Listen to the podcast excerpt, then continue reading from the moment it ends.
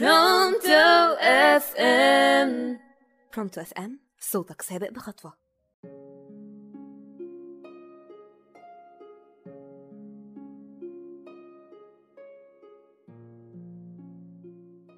يا مساء الخير على كل مستمعي برونتو FM معاكم ندى رضا في حلقة جديدة من برنامج يلا نرغي.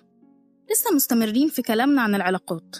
وإيه هي الأوراق والخطوات عشان نقدر نوصل لعلاقة سوية بال GPS الحلقة اللي فاتت اتكلمنا عن الأوراق المطلوبة اللي لازم تكون موجودة علشان نطلع رخصة الوقوع في الحب وباركنا لكل شخص قدر يطلع الرخصة دي يلا بقى علشان نركب العربية ونمشي فظبط كده بقى قعدتك واربط حزام الأمان علشان هنبدأ أول رحلة في العلاقة بس ثانية واحدة هو مين اللي هيسوق؟ مين اللي هيسوق في أول رحلة في علاقتنا؟ كلام مين اللي هيمشي؟ عقلك ولا قلبك؟ هتفضل حد على التاني ولا هتتصرف بالعدل بينهم؟ وهتتصرف على حسب الموقف ومش هتيجي على حد فيهم؟ لأن هما أصلا نفسك. في جملة بتقول أنت تحب زي ما أنت عايز لكن تتجوز زي ما أنا عايز. الجملة دي كانت ما بين الفنان الله يرحمه عزت أبو عوف وكريم عبد العزيز. في فيلم اضحك الصورة تطلع حلوة. بس في كل مرة بسمع أو بشوف المشهد ده بحس إنه كان لازم يبقى حوار بين العقل والقلب. العقل بيقول للقلب حب زي ما أنت عايز لكن تتجوز زي ما أنا عايز. وكأن العقل بيقول إن مش دايما اللي بنحبه هينفع نتجوزه وهنا العقل هيبدأ يسأل نفسه شوية أسئلة عادية جدا طب إزاي أعرف إن الشخص اللي بحبه ده ينفع أتجوزه ولا لأ؟ طب لو طلع ما ينفعش أعمل إيه في كل الحب اللي جواه؟ طب هو أنا أصلا أعرف إزاي إن في العلاقة اللي أنا فيها دي حب ومش أي حاجة تانية؟ خلينا نقول إن الحب على عكس الانجذاب الجسدي الانجذاب الجسدي بيبدأ صغير وشوية شوية بيكبر معاك. لكن الحب بيبدأ بإحساس إنك مطمن مرتاح في وجود الشخص ده دايما بتحسه صديق قريب منك. لكن الانجذاب بتلاقي نفسك مشدود قوي وبسرعة وبدون أي مبررات منطقية هتلاقي العلاقة كلها ماشية بسرعة جدا. الحب بيبقى فيه أمان هدوء أكتر من الغيرة والسهر والعذاب واللخبطة. الحب على عكس التعلق معناه إنك ما تسمحش لحد يأذيك. يعني ما تبقاش في علاقة موتراك ومخلياك على طول مش انت وبتتغير لشخص تاني وتقولي أصل أنا بحبه. لأ ده مش حب. وسميه أي حاجة تانية لكن ما تجيش تقولي ده حب.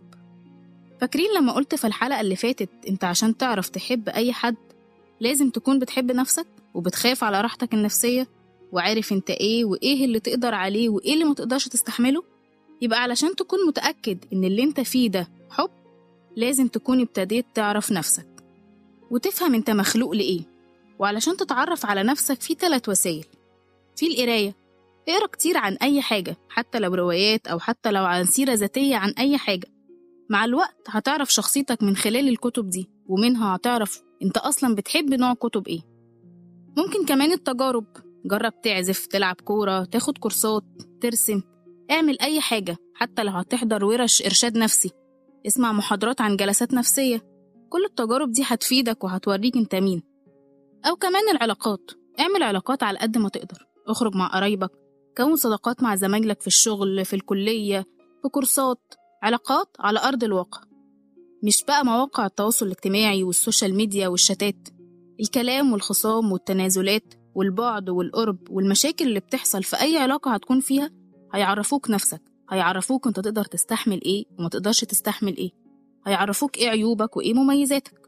تمام ففي خلال رحلتك دي وأنت بتكتشف نفسك هتقابل ناس كتير منهم اللي هتفكر نفسك بتحبهم لحد ما هتوصل لنفسك الحقيقية ولما تعرفها هتتصالح عليها ومن هنا هتقدر توصل لحبيبك اللي يستحقك وتستحق.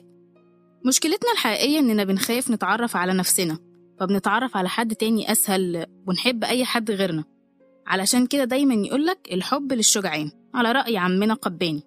خلينا نروح لفاصل ونرجع نكمل كلامنا مرة تانية.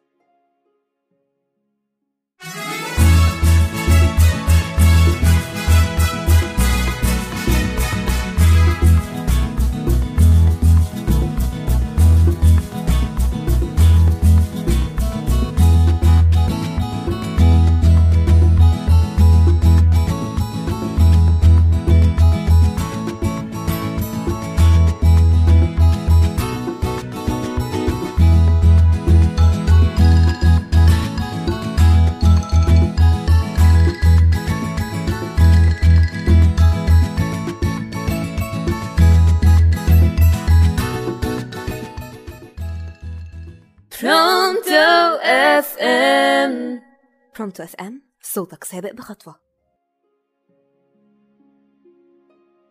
ولسه مكملين في كلامنا عن الحب وعلاقاته.